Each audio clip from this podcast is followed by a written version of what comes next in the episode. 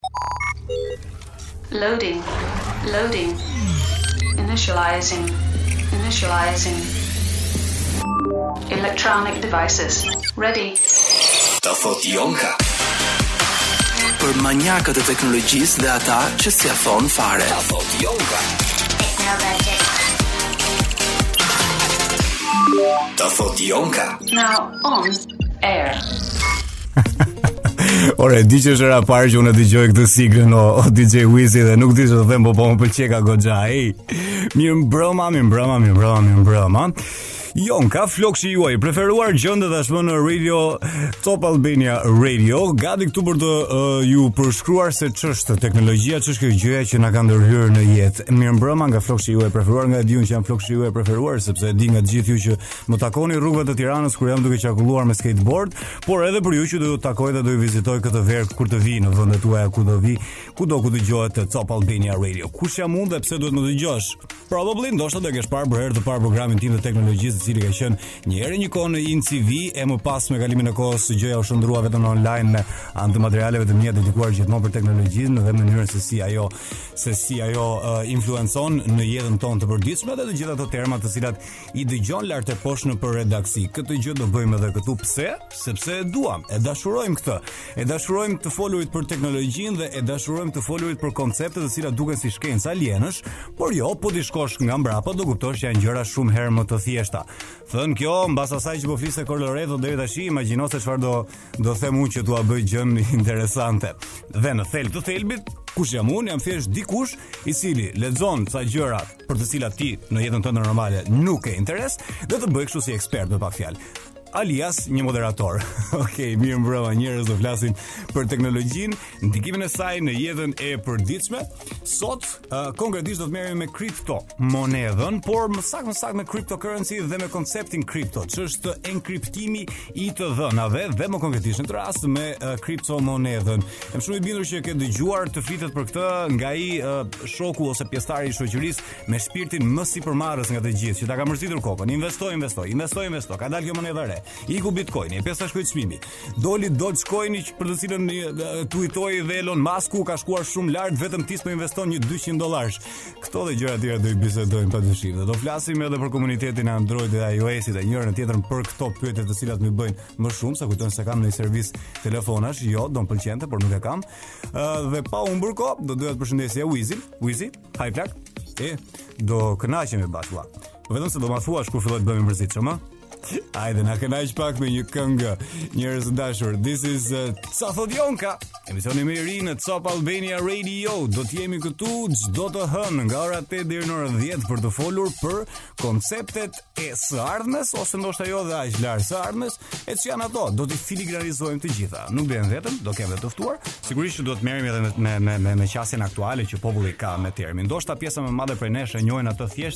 si Bitcoin, por do të çuditeshe po do të thoja që Bitcoin është vetëm një. Okej, okay, është e para, okej, okay, është ajo e cila ka avantazhin më të madh nga të gjitha të tjerat sa i përket uh, vlerës së saj, por aktualisht ka mbi 3 apo 4000 kriptomonedha.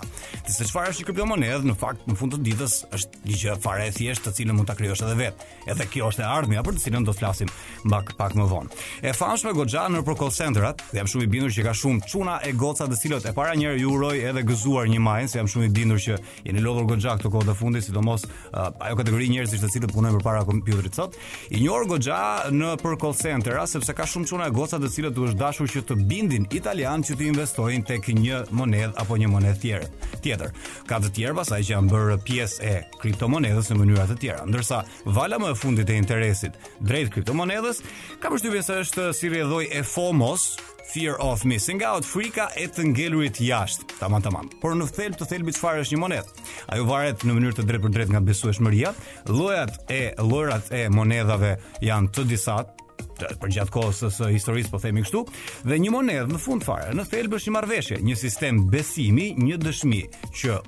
Unë të dhash 2 lek, ti më dhe këtë gjën edhe marrveshja jon dokumentohet kështu nga kjo lloj forme uh, uh, monedhe, nga kjo lloj forme tregtimi.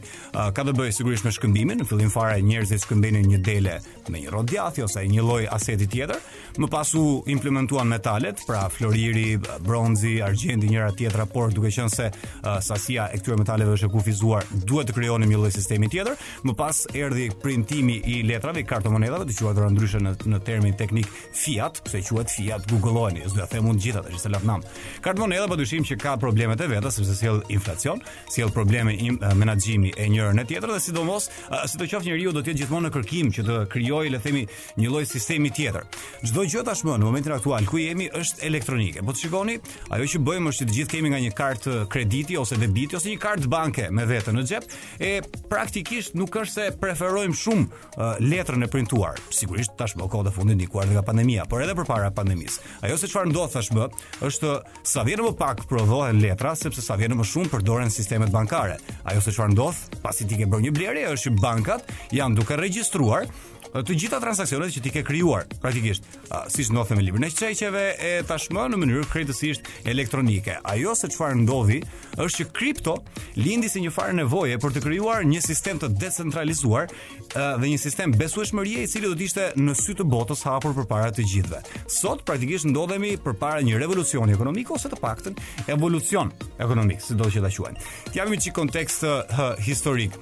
Sot, mënyra se si ne afrohemi drejt drejt kriptomonedhës, Bitcoinit, njërës tjetrës, është sepse marrim vesh nëpër media lart e poshtë dhe shikojmë shembuj çunash e gocash, sa jo që të jemi në rregull me lëvizjen feministe, të cilat rrin përpara ekranit dhe vën bast, në thonjëza gjithmonë mbi uljen dhe ngritjen e çmimit të një aseti të cilin ndoshta nuk e kanë as të tyrin.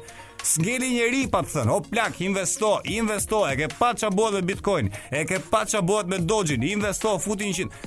Jonka nuk do ta thotë këtë sepse nuk kemi ekspert investimesh, nuk kemi ekspert uh, ekonomisë, se do thoni pastaj lart poshtë, lart e poshtë më tha Jonka investo këtu, investo atje. Nuk mbaj përgjegjësi. Fillesa e cryptocurrency është goxha e hershme. Daton në fakt që në fillimin e internetit. Se në fund të ditës çfarë është interneti? Kabuj, një sër kabuj që lidhin një sër kompjutrash.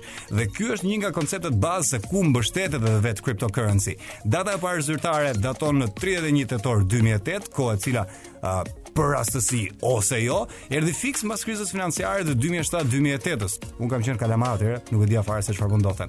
David Chaum është kumbari i anonimitetit dhe le të themi një nga nismëtarët, pionerët e konceptit kripto, e konceptit të anonimitetit dhe konceptet e tij të anonimitetit janë hedhur që në 1983-shin. Kompania e tij e quajtur DigiCash ishte një kompani e cila synonte këtë, por siç edhe jo rrallë ndodh, nuk ishte gati për ambientin, nuk ishte nuk gjeti atë ambientin e nevojshëm për të suksesuar, nëse mund ta përdorim. Edhe si rrjedhojë, edhe falimentoi në këtë mënyrë. Dy format e tjera um, të mëpasshme le të themi ku është eksperimentuar dhe me pagesat elektronike është e-gold dhe PayPal, po të cilat në fund fare janë transferime digjitale të një monedhe ekzistuese nga një autoritet qendror dhe kripto është pikërisht këtë është kjo, e kundërta e kësaj, sepse është vet një vlerë, e cila heq the middleman, njeriun në mes. Pra praktikisht un kam dëshirë që të blej një copë picë te ty, të jap një 5000 lekë dhe kush e vërteton që ky shkëmbim ka ndodhur, është banka. Në këtë rast me anë të kriptos, ne do heqim njeriun e mesit dhe un vi të jap ty kripton time i gjithë sistemi i kompjuterave të ndërlidhur të botës e vërtetojnë që një lloj transkripti i tillë, një lloj transferti i tillë ka ndodhur, Dhe as Wizi nuk gënjen, të cilit i bleva picat, dhe as unë nuk gënjej dot, që i dhash 5 dollarët e mi, 2 dollarët e mi, 7 dollarët e mi. Këto dhe gjëra të tjera sigurisht do t'i marrim vesh pak më vonë. Kripto është një lloj vlere e cila do të dokumentohet gjithandej. Për këtë do të flasim, do të flasim për kriptomonedhën, do të flasim sot edhe për personazhin e ditës së sotme, i cili një tweet i tij mjafton për të çoroditur komplet tregun dhe jam shumë i bindur që e dini për kë bëhet fjalë për Elon Musk i cili edhe një këngë ka prodhuar jo vetëm këto raketat e veta e, e makinën elektronike e njërën e tjetrën. Por po flasim për kriptomonedën sot, e cila ka lindur si një lloj nevoje e, e, e popullit dhe të dëshmon edhe fakti ku jemi duke duke jetuar fakti që një popull i cili komunikon me njëri tjetrin me me me anë të rrjeteve sociale si Reddit e që është praktikisht rrjeti social më inteligjent ku nuk të duhet Instagrami, Facebooku, postimet, like-et njëra tjetra, është thjesht forum ku njerëzit vetëm me anë të një rrjeti social arrijnë që të çorodisin një treg të tërë dhe këtu e kam fjalën për GameStop-in. Po për GameStop-in do flasim një ditë tjetër. Kripto dhe arkitektura e, e saj e një lloj kriptomonedhe daton që në vitet 90, ku Nick Szabo dhe Wei Dai janë dy pionerë të tjerë mbas mbas David Chaum në 83-shin, të cilët kanë hedhur bazat e arkitekturës së një kriptomonedhe. Më pas, duhej që në 2008-ën të dilte Satoshi Nakamoto, në Halloweenin më saktë të vitit 2008, ok, publikoi letrën e tij, vetëm 8 faqe, me bazat e kriptomonedhës, e lançoi gjënë free on the internet, një ide e cila u cilësua nga shumë entrepreneur, siç e keni dëgjuar lart e poshtë nëpër media, shkurt fare sipërmarrës, të asaj kohe e vlerësuan dhe thanë që kjo është një ide brillante. Ndër këta njerëz Bill Gates, Elon Musk e shumë të tjerë. Madje madje në 2015-ën krijuesi i kësaj arkitekture për kriptomonedën, konkretisht për Bitcoinin, u nominua edhe për Nobel. Tani, problemi nis këtu, dhe këtu japim një çik furnizim për të gjithë ata që besojnë në këto teorirat konspirative, Alfred Cakon, në qoftë se po na dëgjon e përshëndesim, nobody knows kush është Satoshi, apo Satoshja, apo Satoshët në këtë moment, se përderisa nuk e di, mund t'ja mund t'ja japim emërtimin si na do qejfi. Vetëm Gavin Anderson është një personazh, një një programmer, i cili përmendet në emailet e, e, e, e fundit të Satoshit. Frak, fraksioni vetëm ajo që dim tashmë dhe që kemi njëfarë trashëgimie le të themi nga Satoshi është që fraksioni më i vogël që mund të blihet në Bitcoin, konkretisht në këtë lloj kriptomonedhe, quhet si një Satoshi që i bie 0.0000 një Bitcoin. Në fillim, uh, mbasi u hodh gjëja uh, on air, një lloj ide, të cilën asnjëherë ti nuk e di se sa do të funksionojë, çka na sjell edhe tek një nga shqetësimet e momentit, sa do të funksionojnë këto kriptomoneda që kemi tani, sepse nuk mjafton vetëm zhurma që qarkullon rreth tyre. Si një lloj shakaje midis çunave që besonin tek kjo lloj ideje, geeksave, atyre çunave që uh, më shumë se sa të dilin të luanin basketboll tek fusha e lagjes, vendosnin që të krijonin kompjuterat e tyre dhe të kishin një një makineri kompjutimi dhe me anë të kompjuterave të tyre prodhonin zgjidhin më saktë ekuacione kriptografike njohur ndryshe me termin teknik si mining, Bitcoin mining dhe duke i bër mining, duke uh, minuar, le të themi, duke kultivuar këto lloj Bitcoinas, thjesht i shkëmbenin mes tyre për për qejf. Derisa kemi një datë shumë të rëndësishme dhe meqë ra fjala e kemi në përvjetor, derisa në 22 maj 2010 regjistrohet blerja e parë fare me anë të bitcoinave. Ë uh, ka qenë Laszlo ha hajde thuaj këtë mbiemrin. Hanje Hanje Hanu ECZ shkruhet Googleoni vetë i cili bleu pizza dhe negocioi dy pizza vlera e të cilave arrinte në 25 dollar në këmbim të 10000 bitcoinave. Po t'i kishte këto 10000 bitcoina tashi o i ziu imagjinoa sa do shkonte që një Bitcoin ka arritur në vlerën e 60000 dollarë. Imagjino pak. Dhe në atë rast, i biri i botës Lazlo, nuk ia them emrin, ë uh, caktoi kështu një vlerë në treg të një kokre Bitcoini. E më pas kemi uh, milestones-at e tjerë, le të themi, si dyqani i parë i cili pranon që të blejë në Bitcoin, që i dha në fakt një farë konteksti dhe konotacioni negativ le të themi në media të Bitcoinit. Silk Road quhej dhe besojeni se jo ishte një website në të cilin njeriu mund të futej për të blerë substanca narkotike. Njerëz të zgjuar plako, njerëz të iluminuar, woke people. Më pas kemi një fazë goxha të rëndësishme për vet Bitcoinin ku faqja WikiLeaks e famshme për çmaskimin e shumë aferave politike në rang global iu bllokuan mënyrat e donacioneve me anë të monedhës le të themi të vjetër tradicionale dhe WikiLeaks ç'bëri pranoi që të paguajë që të hidhin njerëzit donacione edhe në Bitcoin. E më pas ku nuk është shfaqur nëpër dalje mediatike Bitcoin-i derisa në në në në 2015 mos gaboj, arriti një shifër prej diku tek 9000 dollar një copë.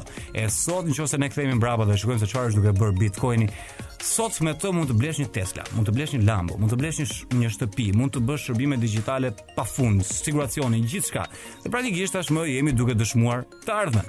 E nga ana tjetër, siç po ju thoja pak më parë, ka pafund lloje kriptomonedash, nga Ethereum, nga Ripple, nga Dash, nga Bitcoin Cash e shumë e shumë të tjera. Dogecoin, Dogecoin, quaje si duash, është kjo monedha më Më në zë e momentit dhe jam shumë i bindur që të paktën një shok apo shoqe në shoqëri e ke që i ka futur një 100 apo një 200 euro Dogecoinit, i cili është ka dalë në pah le themi, ka marrë goxha vëmendje kur u twitterua edhe nga ana e e, e të birit të botës, Elon Muskut, për të cilin do flasim pak më vonë, tamam tamam duke folur për jetë për jetën e tij. Ë, uh, një si, e cila cilësohet herë pas here në internet edhe si meme coin, një tjetër tregues i fuqisë së madhe të internetit dhe komunitetit të internetit siç është memja. Po ta mendosh, edhe Tom Doshi ka një sasi të të votave të tij nga një meme interneti. E, nënvlerësoni, nënvlerësoni memet ju sa doni. Po po, është tamam tamam kështu, një një një meme coin e cila U krijua thjesht duke u bazuar në atë memen e atij qenit të quajtur Shiba Inu në racë që e quajtën Doge, Doxh, ë uh, të cilin menduan njerëzit ata që, që do krijonin një kriptomonedë të krijonin një kriptomonedë të tillë dhe një formë biznesi e cila nuk është e qartë, influenca e të cilës, ekzistenca e të cilës mbështetet vetëm nga vëmendja që ka në internet për të, praktikisht nga memet që prodhohen me të, praktikisht nga tweetet që poston Elon Musk-u, të cilat influencojnë në treg dhe bëjnë që të ulet e të ngrihet. Ndaj edhe vihet shpesh herë në diskutim se sa gjatë do të qëndrojë me ne dogu, i cili vetëm javën që shkoi bëri që të çmendeshin shumë çuna e goca shqiptarë. 3 maj ditë e hënë këtu në Top Albania Radio në shoqërinë e Jonkës dhe të DJ Wizit, i cili na servir këtë muzikë lounge në këto orë adekuate të natës. Një gjë tjetër për të cilën po flisja pak më përpara ishte sigurisht termi FOMO, fear of missing out, frika se mos je duke humbur. Le të themi që është pak a shumë edhe një nga arsyet kryesore sepse këto kohë të fundit njerëzit janë duke investuar dhe nuk bëjnë keq o plak, se kur lexon lart e poshtë një krijesë virtuale, e cila dikur blihej për një fraksion dollari, sot kushton 60 milion lekë. Të reja. Kupton çfarë bëhet apo? Ej, nga ana tjetër, do t'ju kujtoj që sot do të kemi boll gjëra të tjera për të folur, ë. Mos harrojmë që do të flasim edhe për uh, Android ose iOS-in dhe uh, flasim edhe sigurisht për për smartfonat në vetvete. Sondazhi që ne kemi lançuar në faqen tonë zyrtare në Instagram Top Albania Radio është në lidhje me karikimin e baterive. Ekziston një farë fjale që lart e poshtë ta thotë ndonjë teknik ose ndonjëri që bën edhe sikur është teknik, po ndoshta në fund të ditës ai ka lexuar dy tre gjëra. Që ka të bëjë me faktin se nuk duhet ta karikosh smartphone-in tënd më shumë se 80%. Ju si mendoni, a është kjo mit apo është e vërtetë? Të vërtetën ose përgjigjen e saktë do ta merrni vesh pak më vonë. Ndërsa ne hidhemi përpara tek personazhi i ditës së sotme, i cili e ka emrin pikërisht Elon Musk. Elon është një personazh, një Një një djalë i cili ka lindur në South Africa, në Afrikën e Jugut, në Pretoria, i lindur nga një mama e cila quhej Maya ose Maje, Mask, një kanadeze nga Saskatchewan. E ke dëgjuar ndonjëherë Wizi këtë lloj emri Saskatchewan në mes të Kanadasë, nga vendi i birit të botës ku ka lindur uh, tamam e ëma e, ai i lindur në Afrikën e Jugut bir i një, dja, një zotërie i cili ka qenë elektro, inxhinier elektro, elektromekanik pilot detar, konsult konsultues ndërtimi, por edhe zhvillues pronash, për të cilin Masku me sa duket nuk ka konsideratë dhe aq të mirë, i ka ndërprerë marrëdhëniet me të birin e botës pasi ai u nda nga e ëma e tij dhe ka folur gjërat mm, më të tmerrshme për të, me thënë të drejtën. Megjithatë, pasi u nda nga, pasi prindërit e tij u ndanë, Elon Musk u desh që të shkonte në një vend tjetër që të që të ishte t'i zhvillonte të potencialet potencialet e veta. Sepse po flasim për një njeri i cili në moshën 9 vjeçare mbasi i mbaroi librat e tij që lexonte, e pra po flasim gjithmonë për librat komiks, këto librat me superheronj, duhet të shkonte tek te botanika angleze tek atlaset angleze dhe tek këto uh, libra të cilat kanë të bëjnë me me me aspekte të ndryshme të të jetës. Në moshën 12 vjeçare i biri i botës krijoi lojën e tij të parë, të quajtur Blastar, të cilën mund ta luash edhe sot online në qoftë se do, dhe ia shiti këtë lojë një reviste të quajtur PC and Office Technology për 500 dollarë në moshën e tij 12 vjeçare me të parë që kishte potencial, vendosi që të mos ngelej në Afrikën e Jugut, por të shkonte në një vend tjetër si Amerika, por nuk mund të jepte dot, nuk mund të shkonte dot menjëherë në Amerikë. E, problem të cilin e kemi goxhane, përveç nëse nuk je korçar, se e zgjidh menjëherë atë. Shkoi i biri i botës në Kanada dhe duke munduar që të gjente, le të themi rrënjët e veta familjare nëpërmjet duke marrë një pasaportë nëpërmjet rrënjëve të nënës së tij dhe më pas në një moment të caktuar e gjen veten në Pennsylvania University duke u marr duke diplomuar në 97-ën në një bachelor në science e më pas një bachelor në arte, duke bërë dhe internshipe të ndryshme në Silicon Valley, ku filluan më pas edhe këto uh, përsiatjet e para. Kompania e parë ose investimi i tij i parë, tamam serioz ka qenë Zip2, një lloj uh, webi i cili ofronte Chicagos, një qytetit të Chicagos atëherë, një shërbim të digitalizuar për informacione dhe yellow pages nga ana tjetër të qytetit të tij.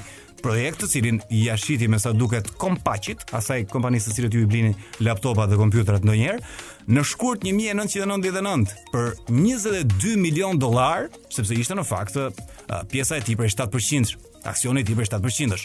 Menjëherë këto lekë i biri i botës nuk vendosi që t'i uh, shpenzonte në para dhe në Las Vegas, po shkoi që të krijonte një uh, web tjetër të quajtur x.com, që është edhe precursor ose është le të themi zanafilla e PayPal-it, një shërbim për të cilin jemi mbledhur sot të flasim. Më saktësisht një shërbim elektronik kalimi transfer, transferimi parash dhe monedhe, me pak fjalë, e cila u shit në 2002-shin për 1.5 bilion dollarë iu shit eBay-t. Nga 11.7% të aksioneve që Elon Musk kishte në pronësi, arriti të merrte 100 milion dollarë, të cilat sigurisht që menjëherë do shkonte t'i investonte në një vend tjetër, siç është SpaceX.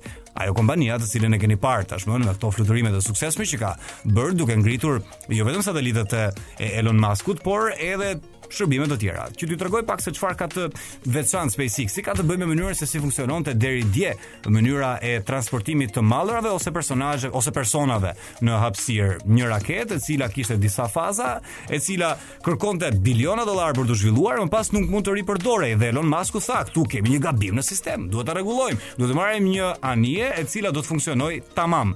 si një autobus, si një avion, të shkojë, të çojë mallrat ose personat, pasagjerët në destinacion dhe të rikthehet përsëri, duke arritur që t'ia dilte me anë të Falcon-ve të dy anijeve të veta në mënyrë simultane, në mënyrë të njëkohshme paralele duke i ndalu, duke i zbritur ato në stacionet e tij, në stacionet tokësore e më pas në stacionet e veta të integruara me inteligjencë, të komanduara me inteligjencë artificiale në oqean. Kupton se çfarë bën i biri i botës? Krijon një pod, një stacion i cili menaxhohet vetë, e, qeveriset vetë, pilotohet vetë, e kjo është fjala e duhur dhe pret edhe edhe edhe atë raketën. Dhe di si i quan se sigurisht është i famshëm edhe për mënyrën se si i emërton.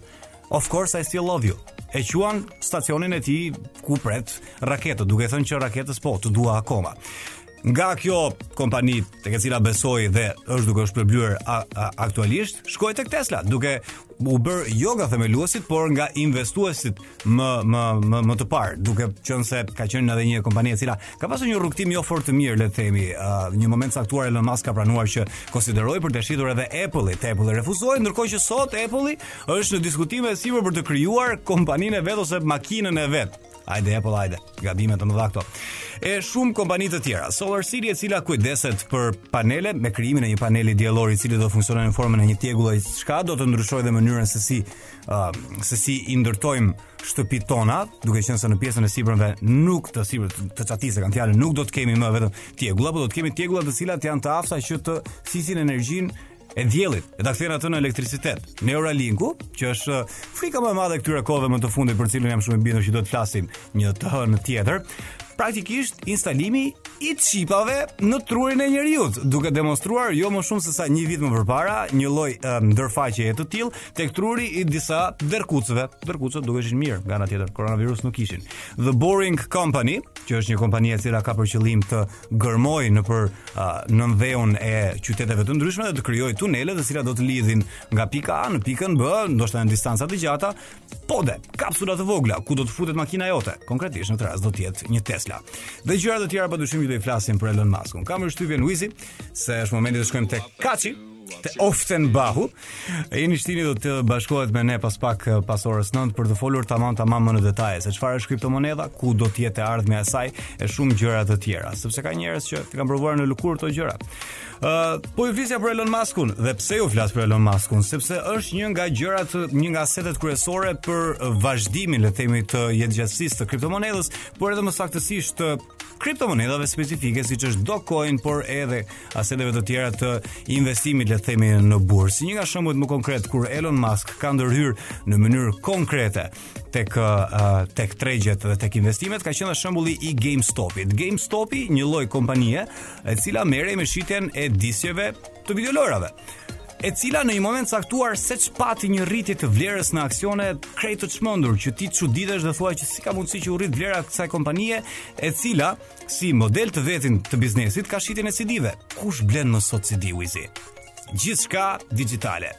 Madje edhe kartën e memorjes e, e snobuam, e, e anashkaluam, sepse tashmë në këtë botë që gjithçka është e lidhur, nuk kemi më nevojë për për asete fizike. Gjithçka është digjitale, kompjuterat janë lidhur me njëri-tjetrin, mjafton që unë të fus paranë këtu ose thjesht ta piratoj, pse jo? open source plako dhe ta kem asetin në duart e mia. Ne po flasim për GameStop-in e cila në këtë rast, duke qenë se po jetonte në këtë lloj uh, kohe, ku digjitalja është ajo që mbizotëron, sigurisht një model i tillë biznesi me anë të CD-ve nuk mund të mbijetonte. Pse u rrit vlera e tij? Sepse në Reddit, në atë rrjetin social më inteligjent të të gjithë botës, ku çunat mblidhen çunat dhe gocat, që të mos jemi seksistë në këtë rast, mblidhen dhe diskutojnë në lidhje me tregun dhe me influencat që tregu ka pasur. Një grup i quajtur eh, tashi e harrova, nuk më vjen. Po një grup i cili këshillonte njerëzit për të investuar, le të themi, hidhte këto trendet më të mëdha të të të, të të investimit dhe një nga uh, asetet interesante që ka të bëjë është në lidhje me uh, short buying ose edhe me mënyrën se si ata njerëzit te Wall Streetit shpesh herë drejtojnë tregun, duke qenë se një nga mënyrat më të mira për të bërë lekë është që ti të vësh bast për një kompani, vlera e së cilës do të shkojë poshtë, ti më pas e merr borxh le të themi njërën nga këto asetet, nuk e blen, thjesht e merr borxh dhe pret që në atë luhatjen e çmimit që të bëjë ta shesësh, më pas me fitimin t'i kthesh përsëri asetin që ke borxh njeriut që ia more dhe me anë të fitimit që ke bërë ti ke kosto zero fitime marramendëse. Ajo që ndodhi është Këta njerëz të Wall Streetit blenë një sasi goxha të konsiderueshme të aksioneve të GameStop-it, duke vënë bast që GameStop-i do falimentonte. Ajo që ndodhi në Reddit, njerëzit u bënë të zgjuar dhe thanë, "Shikoni, shkoni dhe blini tashi, sepse kur një aset blihet, sigurisht që vështirësohet goxha edhe likuiditeti i tij në treg, e në këtë rast rritet goxha dhe çmimi. Po ti që e ke marrë atë asetin borxh, duhet ta marrësh dhe ta kthesh borxh, duke bërë që edhe ti vetë të blesh, e duke blerë dhe ti vetë, duke rritur edhe më shumë çmimin e saj kështu. Ça ndodhi? Çmenduri, revolucion. Për herë të parë, njerëzit e thjeshtë, populli i thjeshtë pati mundësinë që të bënte një lek marramendës duke çmendur kështu edhe Wall Streetin, duke bërë që të ndërhynte shteti. Ai middlemani për të cilin po flisnim pak më parë. Sistemet tregtare të centralizuara, duke mbyllur uh, të gjitha portalet dhe portat ku mund të blihej uh, GameStop-i, aksioni i GameStop-it. Dhe Elon Musk-u ka qenë një nga njerëzit të cilët ka influencuar dhe ka ka folur publikisht për këtë punë, duke thënë se meqenëse donit treg të lirshëm, hajde, lejoni që edhe populli të bëjë lek tashmë. Dhe sigurisht që kthehemi përsëri te Elon Musk dhe fakti që një tweet i vetëm i këtij njeriu mund të arrijë që të çbalancojë të gjithë tregun. Kujtojmë këtu shembujt e Elon Muskut dhe emojive të tij to the to the moon, që është praktikisht emojit e raketave të cilat janë përdorur fillimisht nga uh, grupi i Reddit-it për të cilin po flisnim pak më përpara, duke thënë se to the moon dhe dogu, duke thënë se unë do të jem kumbari i dogut, i i praktikisht i dogecoinit për të cilin po flisnim pak më përpara, ka bërë që shumë njerëz tashmë të investojnë në dogecoin. Cili është dogu? Cilat janë monedhat më në zë të momentit do t'i flasim pak më vonë me Enin. Tek teknologjia e blockchainit si një lloj teknologjie e cila jam shumë e bindur që do të revolucionarizojë komplet mënyrën se si funksionojmë dhe komplet mënyrën se si uh, do do do raportohemi me monedhën, por edhe se si do të raportohemi me teknologjinë. Mendo vetëm kaq Wizi, që Ejkoni, këngëtari Ejkoni, për të cilin jam shumë mirë ke e ke në playlistat tua, do të krijojë një qytet të vetin në Senegal, të bazuar të gjithë në blockchain. Pra, siç ka njeriu sot del te ballkoni vet dhe ka lule për të ujitur, jo, jo, tek qyteti i së ardhmes i, i Ejkonit do të ketë aty jashtë shumë kompjuter që përdoren për mining. A e kupton se çfarë do të shmendoj jashtë? Këto gjëra sigurisht që nuk do t'i dëgjoni nga goja ime, do t'i dëgjoni nga goja e ekspertëve, Eni Shtinin do e kemi pas pak të ftuar këtu për të na folur tamam tamam se çfarë është cryptocurrency, cilat janë rreziqet e saj, si investohet, si nuk investohet, a është vonë për të investuar. Dhe nga ana tjetër edhe shqetësime të tjera siç është edhe shqetësimi ambientalist, se mos harroni diçka, se në fund të ditës kompjuterat që punojnë me elektricitet janë ata. Fatura e dritave do paguhet nga nga disa veta. Dhe kur them fatura, nuk e kam fjalën për faturën monetare, e kam fjalën për faturën ambientaliste dhe efektin që ne do i krijojmë botës teksa do të jemi duke kërkuar mënyra të reja për të prodhuar elektricitet, qoftë nga djegia e atyre hidrokarburave, qoftë edhe nga bateritë e litiumit që do të që do të fuqizojnë të gjitha kompjuterat, laptopët e shumë gjëra të tjera që do donim të, të duam që t'i kemi mobile. Sot do të flasim edhe për Lidhje me team Android dhe team iOS dhe pse kur ti poston një material video foto në Instagram ndryshon cilësia nga iOS te Android. E ke pyetur ndonjëherë veten Wiz? Do ta shpjegoj unë, mos u shqetëso. Dhe do të marrim edhe përgjigjen sigurisht të të të, të sondazhit për të cilin ju kemi ftuar sot që në Top Albania Radio të klikoni dhe ju aty tek polli jonë. Ju pyesim, a, a është e vërtetë, a është mit apo e vërtetë fakti që baterinë e smartphone-it tënd nuk duhet ta karikosh më shumë se 80 përqind. Ka nga ata që thonë që do ta mbajë në një të mesme të përpjesshme, diku midis 40%-shit dhe 80%-shit. Sa e vërtetë është kjo? Na jepni përshtypjen tuaj, mos u friksoni aty tek faqja jonë zyrtare. Ky emision sapo ka startuar, Satoshi Zone ka quhet, do të jemi këtu nga ora 8 deri në orën 10, çdo të hënë për të folur për teknologji, për gjërat që i dashuroj. Por nuk jam një ekspert. Me mua sot është Eni Shtini. Eno, përshëndetje.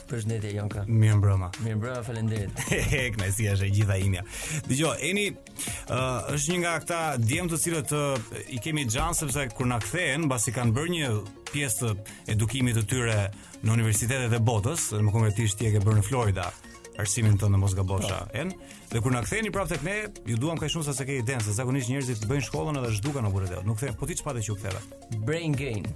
Ç'është kjo? Quhet uh, ne që kthehemi nga jashtë shtetit, unë uh, unë mbarova shkollën në Amerikë, mm -hmm. punova atje për një periudhë dy vjeçare dhe më pas u ktheva këtu për të kontribuuar në mhm. Shqipërinë time të dashur. Mm -hmm. Sot pjesë e Fondit Amerikan? Po, Fondacioni Shqiptar Amerikan për Zhvillim mm -hmm. në projekte të ndryshme siç është Tumo, mm -hmm. SDA që kryesisht në fushën e teknologjisë. E para më lejo të të përgëzoj për për ty dhe të gjithë pjesëtarët e Tumos si një nga akademitë, si një nga nismat mendoj unë të domosdoshme për të zhvilluar potencialin e teknologjisë, e, e shërbimit digital dhe të gjithë botës virtuale që ka nevojë, ka pas nevojë Shqipëria një herë kohë. Dhe nga ana tjetër gjej momentin që të falenderoj edhe Florian Haçkën që më sugjeroi Enin se Florin e kam shok jo fort të vjetër, po e njoh që është ekspert i i i siguri i i security, i digital security. Ndërsa ty Eni të shoh si ekspert të cryptocurrency. E para ç'të lidh ty me kripto një herë. Je djalë që je aktiv ende me me, me tregun e kriptos, po?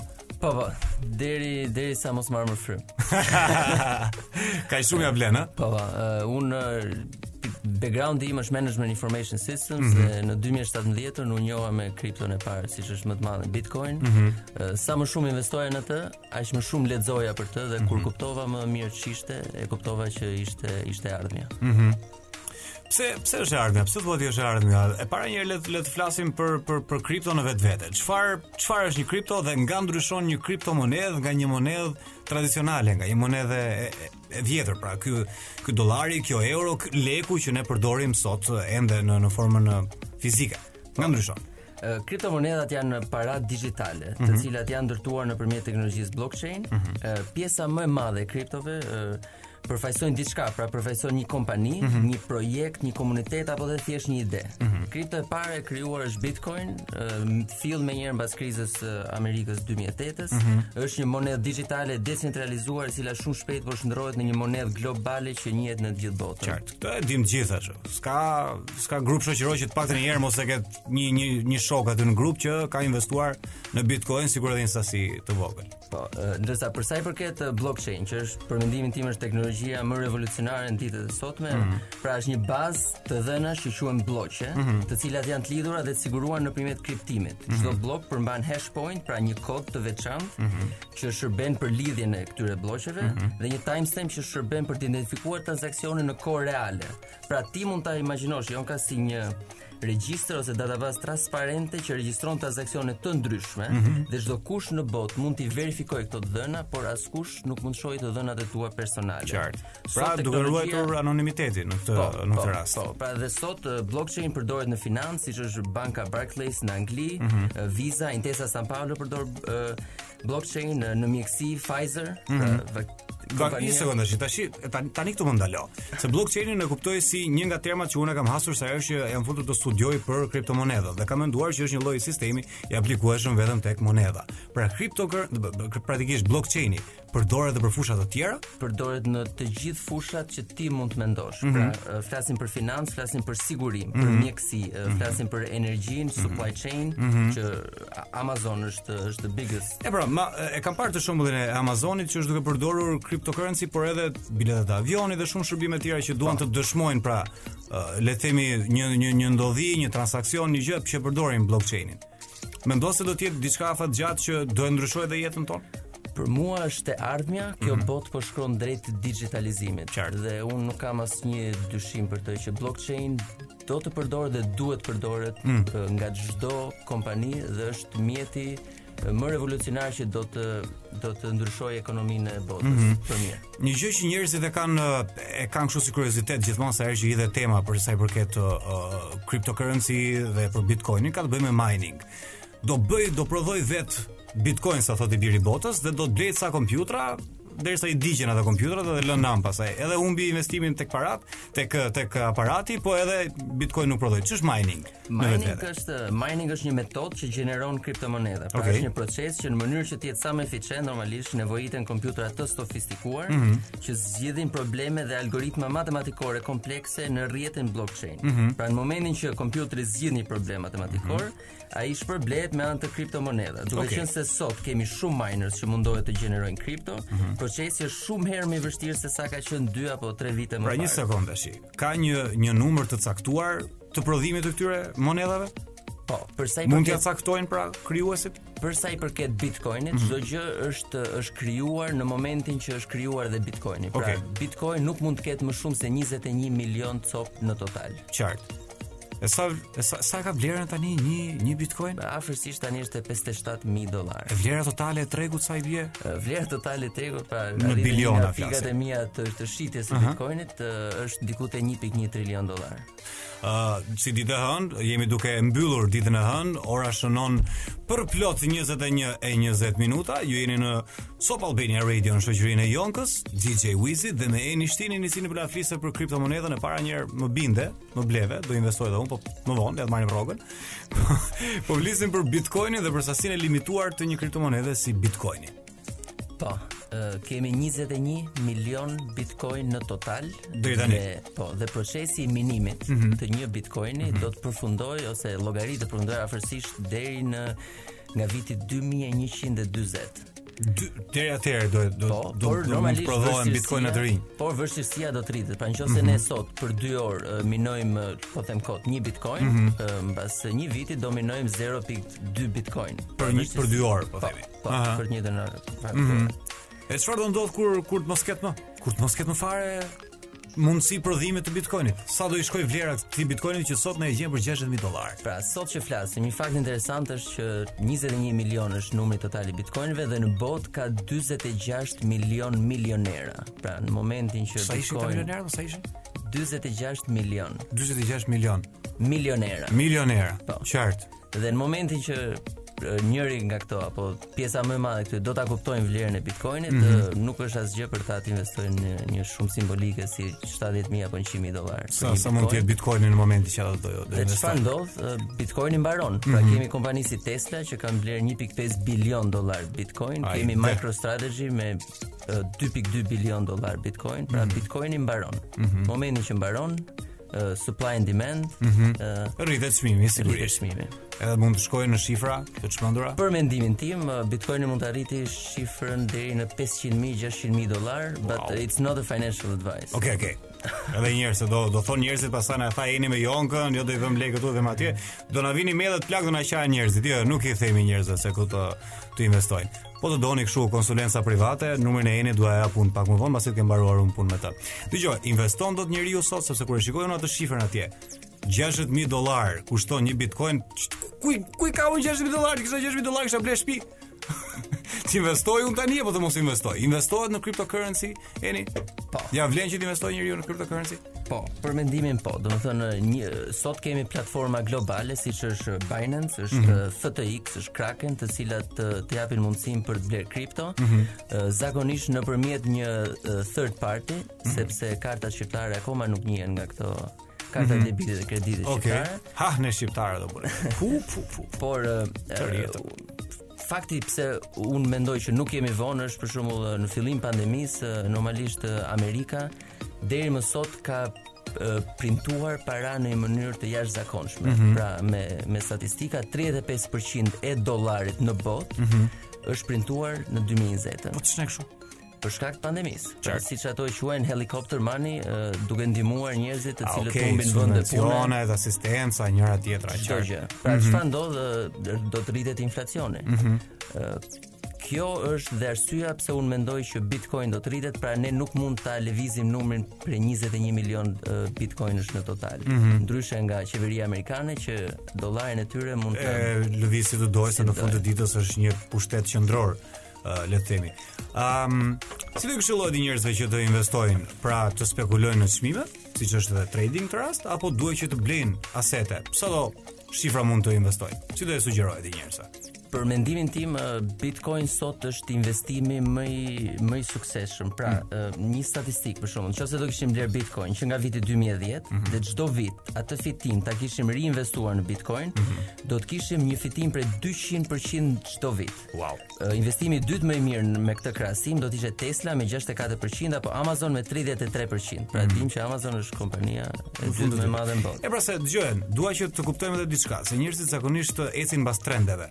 Shohin që Dogecoini apo një coin tjetër, Yong coini, është duke u rritur në vlerë dhe thonë unë do shkoj të investoj t'i hedh lekët këtu.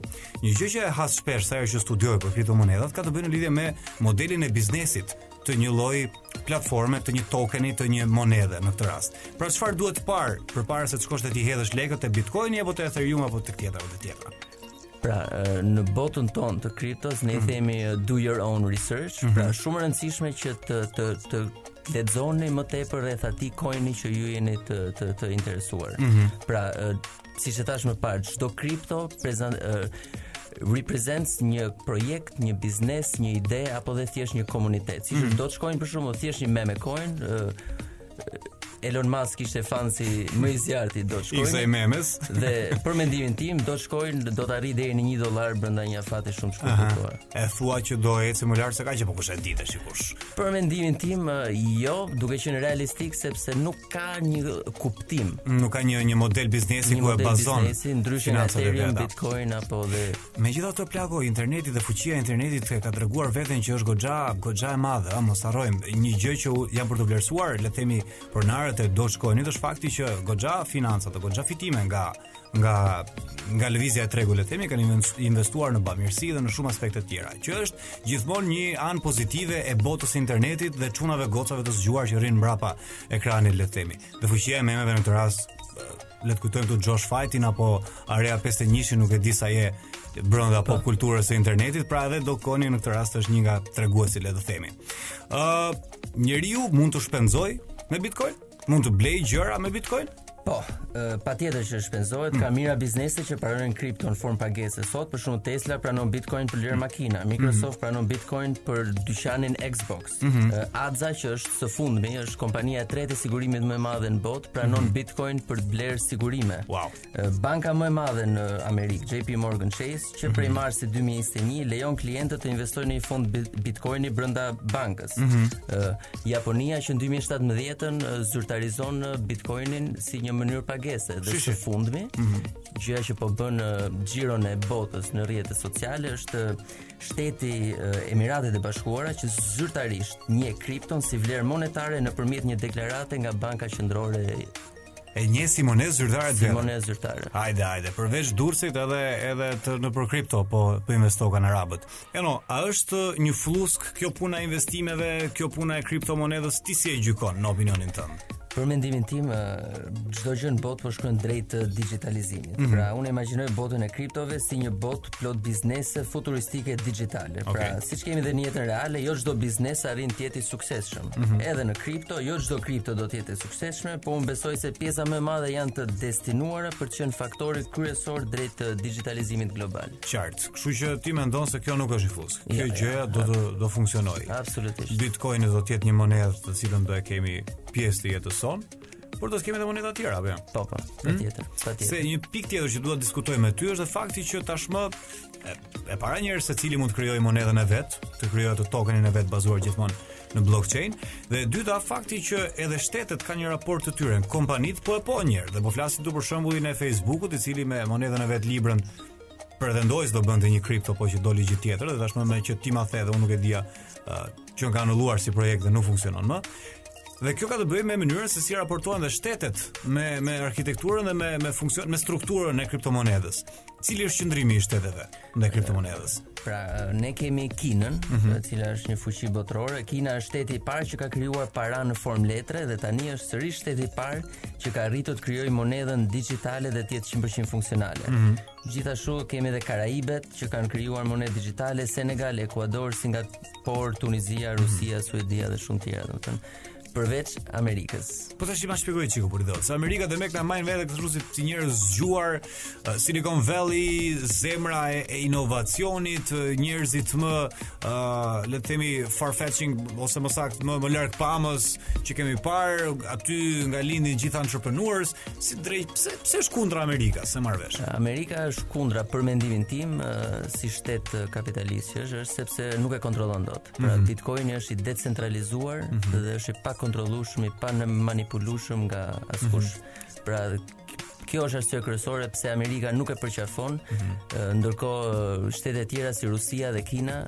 janë duke marrë një avantazh. Dhe ti po më thua që një vend si Kina, i cili kontrollin e ka fiksim, e ka kështu pikë të dobët, me ç'kemi lexuar pak, ëh, Ti po më thua që Kina e përqafon si lloj strukture? Siç e the vetë është me të lexuar këtë punë. Për mendimin tim, Kina është Kina është ndryshe nga çfarë ne kemi kemi çfarë ne dim, po po. Mm -hmm. Është shumë shumë demokrate, shumë më normale se sa ne imagjinojmë. Mm -hmm. Se sa na e paraqet media nga ana tjetër. Në fund të ditës edhe një aspekt goxha për të diskutuar, që ja vlen për të diskutuar, ka të bëjë me me raportin që ne si si popull, por edhe si media kemi me Bitcoinin i cili herë pas here En uh, portretizohet dhe si një gjë e keqe, si një pastrim parash, si Këtë le të themi që ka dhe anën e vet të marketingut të keq që është bërë, promocionit të keq që është bërë. Ti si mendon për këtë? Uh, shumë persona sot e quajnë kripton si një mënyrë efektive dhe praktike për të pastruar para, por për mendimin tim kjo nuk është e vërtetë. Hmm. Pra të pastrosh para me Bitcoin apo kripto të tjera është një ide shumë e keqe. Hmm. Uh, pasi gjurmët që lihen në blockchain janë permanente dhe transparente. Okay. Është e vërtetë që ne uh, nuk mund t'i gjurmojmë, nuk mund të gjejmë të dhëna personale, po faktet kanë treguar se ekspertë në cybercrime kanë arritur të gjurmojnë shumë kriminelë të pastrimit të parasë thjesht nëpërmjet gjurmëve që kanë gjetur në blockchain. Ah, okay, pra atëherë, nëse realisht shteti do të të kapë, të kap në këtë rast. Po. Pastaj në fund të ditës, të gjitha mënyrat e pastrimit të parave mund të bëhen me çdo lloj mënyre. Mjafton që ti të gjesh një middleman që është i gatshëm të marrë rrezikun dhe mund ta bësh, jo më vetëm me cryptocurrency, sa sa Sa kohë që dikush del i gatshëm që ato paratë e tua cash t'i transferoj në një monedhë tjetër ose t'i investoj diku tjetër, besoj se mund të bëhet pastrimi i parave me çfarëdo lloj forme tjetër. Por edhe një herë, ne nuk jemi ekspertë. Po Jeno, unë do të të përshëndes. Do i lëm njerëzit në shoqërinë e një kënge tjetër, e do të rikthehem unë pas pak për t'ju shpjeguar një dy gjëra të fundit që u premtova në fillim të emisionit. Do të uroj ty shumë suksese një herë. Faleminderit që ishe këtu dhe më shpjegove mua dhe të gjithë njerëzve të tjerë shumë gjëra të cilat jam shumë i bindur që sot do flen njerëzit më pak injorant. Pa ofenduar asnjërin ore, se në fund të ditës mjafton që të pyesim. Ëm, um, en faleminderit që ishe me mua. Faleminderit Jam, për mundësinë. Kënaqësi, do të ftoj edhe herë të tjera. Ë, uh, në fund të ditës e bëjmë këtë punë se e dum, e dashurojmë me fol për teknologjinë për të informuar në fund të ditës. Na infor, na pëlqen më shumë të disa, të diskutojmë, të bisedojmë për këtë, se sa për ndarjen e Kanye Westit me Kim Kardashian e njërën tjetrën. Jo se ato kanë të keqen e vet, jo se ato janë të keqja. Po do të keni hapësira të tjera për të dëgjuar të flitet në lidhje me to. Sot kishim si temë kryesore kriptomonedhën, a ia vlen apo jo me investu në të, por në fund të ditës me kuptu se çfarë është kriptomonedha. Me kuptu që është një monedhë e cila si çdo lloj monedhe tjetër tradicionale ka të bëjë në thelb fare me besueshmërinë, me një kod komunikimi, me një marrëveshje që unë dhe ti bëjmë me njëri tjetrin. Me kalimin e kohës, sistemet ekonomike dhe tregjet ekonomike patën evolucionet e tyre dhe caktuan një person në mes i cili do të ishte një autoritet uh, central, një autoritet kontrollues, banka shteti, një lloj forme le të themi, e cila në ato kohë kur tregu do të krijonte atë identitetin e vet ishte plotësisht e nevojshme, ndërsa sot kur gjithçka është elektronike, nuk ka nevojë që të kem një fuqi centrale kur un mund të Përdor të gjithë kompjutrat e botës, të cilët e suportojnë këtë lloj sistemi, quhet ndryshe blockchain, regjistrojnë çfarëdo lloj influksi, çfarëdo lloj lëvizje monetare që un bëj. Nëse un dua të blej një palë këpucë nga Wizi, ja paratë e mia dhe sistemi e ka regjistruar këtë punë dhe nuk kam më nevojë. Ama në fund të ditës mos harrojmë se për të prodhuar e për të mbajtur gjallë këtë lloj sistemi ka nevojë për resurse në fund të ditës. E po flasim për resurset e elektricitetit. Se shiko një sekond, Wizi, njerëzit thonë Erdhi elektriciteti, iku nafta e zgjidhëm hallin e ekosistemit. Jo, jo, nuk është aq e thjeshtë gjëja, jo. Është goxha më e thellë se sa aq, sepse do të flasim për shqetësimin ambientalist, i cili lidhet goxha edhe me këtë urinë tonë të radhës për të fuqizuar çdo gjë me anë të elektricitetit në fund të ditës, është një tjetër resurs i natyrës, të cilin po mundohemi që ta kultivojmë në mënyra le të themi jo natyrale, sepse historia ka treguar dhe kjo mund të aplikohet në çfarëdo lloj aspekti tjetër ka treguar që mjafton që ti t'i futësh duart në balancën e në një nga ekosistemet, në një nga zinxhiret se si uh, balanca e tokës, e rruzullit tokësor funksionon dhe do të kesh një problem përpara vetes. Mënyra Shembulli më konkret është mënyra se si ne sot uh, fuqizojmë uh, makinat me anë të karburanteve. Fakti që kemi prodhuar kaq shumë dioksid karboni, sa që po e thithim edhe në për hundë sot edhe jemi të shqetësuar padyshim. Kërkuam që ta zëvendësojmë këtë me anë të një resursi tjetër, siç është ajo e elektricitetit, të cilën në fund fare ti nuk e krijon nga hiçi, por e tjetërson nga një element në elementin tjetër, e cila do të kërkojë që ti të kesh uh, përdorimin djegjen e hidrokarbureve ose kultivimin duke shkatërruar le të themi ekosisteme, siç është dhe lëvizja më e fundit, ajo e e Vjosës që duam ta kthejmë në, në një park nacional, e nuk duam që ta uh, që ta ta shfrytëzojmë për energji elektrike, e cila sigurisht që do t'i benefitonte le të themi popullit, ekonomisë së vendit, urojmë në një koncept ideal, por nga ana tjetër do të shkatërronte ekosistemet. Në këtë kontekst, edhe fuqia e energjisë elektrike që duhet për të për të për të për të prodhuar dhe për të mirëmbajtur e për të mbajtur në fuqi të gjithë sasinë e Bitcoinit në rastin konkret është e baraz me e termin e saktë nuk e kam këtu por e barabartë me të gjithë energjinë elektrike që në një ditë harxhon e gjithë Republika e Serbisë. Si si shembull konkret ky. Çka do thotë kjo se në fund të ditës do të kemi nevojë për sisteme të ndryshme të prodhimit të energjisë elektrike dhe do mundohemi që të kapim uh, të kultivojmë energjinë elektrike, do ta mbi kultivojmë energjinë elektrike, do të çorodisim një tjetër uh, balancë të botës e do të kemi kështu përpara vetes edhe një një problem tjetër ekologjik. Mos kalojmë pasaj tek bateritë, të cilat sa vjen e më shumë do të aplikohen tek makinat elektrike dhe do të kemi kështu miniera të litiumit, të cilat që sot e kësaj dite janë duke shkaktuar goxha probleme në ekosistemet e kontinentit të Afrikës ku ndodhet me shumicë gjëja, e mos harrojmë pastaj nga ana tjetër dhe e-wasting, që është një gjë, një problem shumë i prekshëm, uh, me të cilin nën petkun e të cilit kompani si Apple e më pas Samsung e të gjitha kompanitë e tjera janë duke justifikuar. E-waste janë mbetjet që prodhohen nga nga kompanitë elektronike, praktikisht kompjuterat, smartphone-at, karikuesit, të cilët i blejmë, i përdorim për një cikël të caktuar uh, të 2 vjet, 3 vjet dhe më pas këto nuk i riciklojmë, po i hedhim në natyrë. Këto janë nga mbetjet më të rrezikshme. Më lejoni të them miqtë e mi. Dhe um, në qoftë se ke vënë re, në qoftë se ke blerë këtë iPhone-in më të fundit, iPhone 12-ën, aty jemi apo jo? Do kesh vënë re që kutia është shumë herë më e hollë dhe ti çmendesh thua ja Apple-i që më heq një gjë tjetër nga smartphone-et e vet. Apple-i nga ana tjetër të justifikohet duke thënë që unë nuk ta futa një karikues në kuti duke minimizuar sasinë e mbetjeve që ne do lëshojmë nesër në në mjedis, në në ambient. Ë uh, dhe praktika të tjera për të ricikluar ka e mjafton që ti të ftosh që karikusin e vjetër të iPhone-it të tij të vjetër të cilin ti pretendon se ai do e ketë përsëri në sirtar në sirtar t'ia marrësh ta riciklosh dhe t'i japësh një të ri pse më mos e bëjmë kështu duke qenë se atë karikusin e vjetër pasi ky të ketë blerë karikusin e ri i biri botës klienti klientja do e ruajë në sirtar derisa vjen momenti që ta hedhë e në këtë kontekst Edhe kompanitë e tjera, Samsung edhe kompanitë e tjera të mobile kanë filluar që ta në fillim u tallën me me Apple-in, që edhe ne qeshnim, hajdeni këtu kanë nesër të të ne do gjeni karikusin. Po si e panë që i shkoi mirë Apple-it, filluan dhe e aplikuan dhe tek vetja. Dhe këtu arrijmë tek e- tek sondazhi i ditës së sotme. Ju kemi pyetur se ku, se si besoni ju se është uh, është mit apo është legjendë? Çështja e karikimit të smartphone-it. Uh, shumë prej jush kanë thënë që është një një një një mit, Por, në fakt, është një e vërtetë. Sepse ka të bëjë edhe kjo në lidhje me përdorimin e këtyre, uh, le të themi, e elektroliteve ose të, të joneve të litiumit, të cilat ndodhen tek kjo bateria. Një nga armiqtë më të mëdhenj të joneve të baterisë ose të baterisë, atij bllokut të baterisë, janë kristalinat, të cilat zhvillohen me kalimin e kohës në mënyrë të, të pashmangshme. Do të zhvillohen se s'bën. Një numër të limituar ciklesh karikimi nga 0 në 100 e ka secila bateri. Në qoftë se nga 0 në 100 ti mund ta karikosh baterinë e Apple-it tënd 500 herë, duke mbajtur një balancë midis 40%-s dhe 80%-s, ti i zgjeron më shumë ciklet e baterisë tënde, duke i çuar nga 500 e çon jetëgjatësinë e baterisë së smartphone-it tënd në 1500, në 1200 ose njërën ose tjetrën. Varet sigurisht në nga në varësi të përdorimit tënd, se kush është ai lloj maniaku që do do rrinte gjithë kohës me me me, me karikusin me vete do kontrollonte telefonin e tij 40%, 80% njërën tjetrën. Fund fare, varet se si preferon që ta ta përdorësh. Wiz, ku jemi? E mbyllëm? Me sukses këtë radhë. Uroj.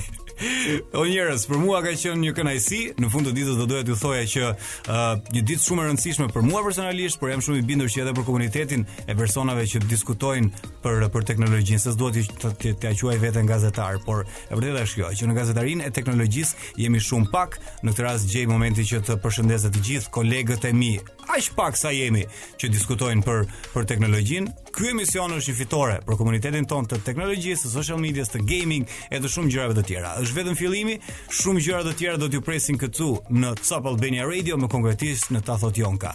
Jonka ju thotë natën e mirë,